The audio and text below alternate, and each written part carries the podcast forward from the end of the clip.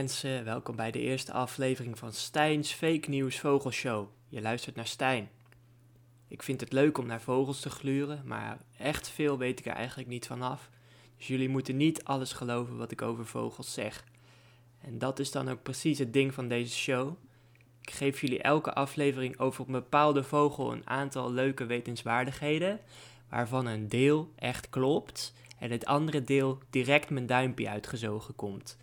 En ik zeg er dus ook niet bij welke feitjes echt zijn en welke nep, hè. Dat zoeken jullie maar lekker zelf uit. Stijn's Fake News Vogelshow gaat al dan niet over. Yeah. Welkom terug mensen bij Stijn's Fake News Vogelshow. Deze eerste aflevering gaat over de kou. Kauwen zijn kleine kraaiachtige, ongeveer 34 centimeter groot. Ze zijn zwart met een grijze nek en een grijs achterhoofd. In Nederland zie je ze best wel vaak, eigenlijk uh, elke dag. En de roep van de kou. Oh. Hallo? Ja? Mhm. Mm you?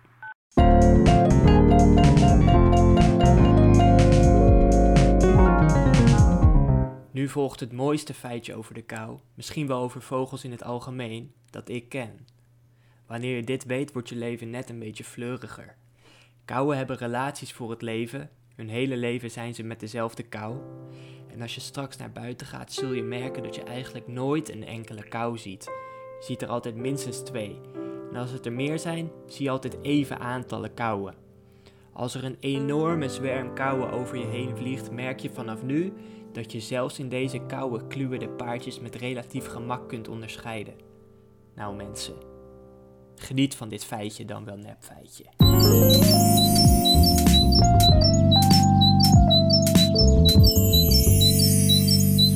Bij de verschrikkelijke aanslag op het MH17 vliegtuig vol Nederlandse onschuldige mensen waren alleen Russische kouwen betrokken en geen enkele Oekraïense kou.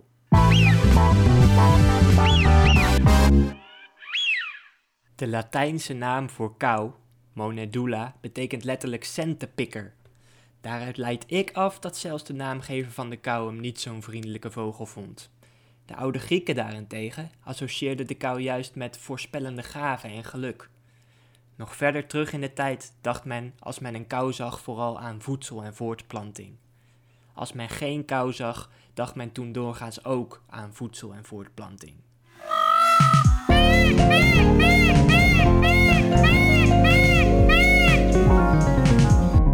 Nu gaat er iets gebeuren wat jullie misschien een beetje gek vinden. Ik ga een wetenswaardigheid noemen die onverenigbaar is met een eerder genoemde wetenswaardigheid. Ook dat is Stijn's Fake News Vogelshow. Iedereen mag zelf beslissen welke van de wetenswaardigheden hij of zij gelooft. Of allebei niet natuurlijk. En mentaal heel lenige mensen zouden ook voor beide wetenswaardigheden kunnen gaan. Oké, hier gaan we. Bij de verschrikkelijke aanslag op het MH17-vliegtuig vol Nederlandse onschuldige mensen waren alleen Oekraïense kouwen betrokken en geen enkele Russische kou.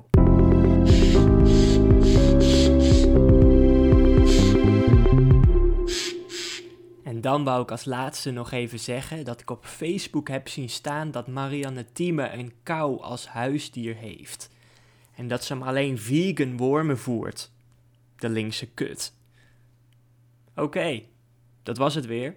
Tot de volgende aflevering. News Vogelshow gaat al dan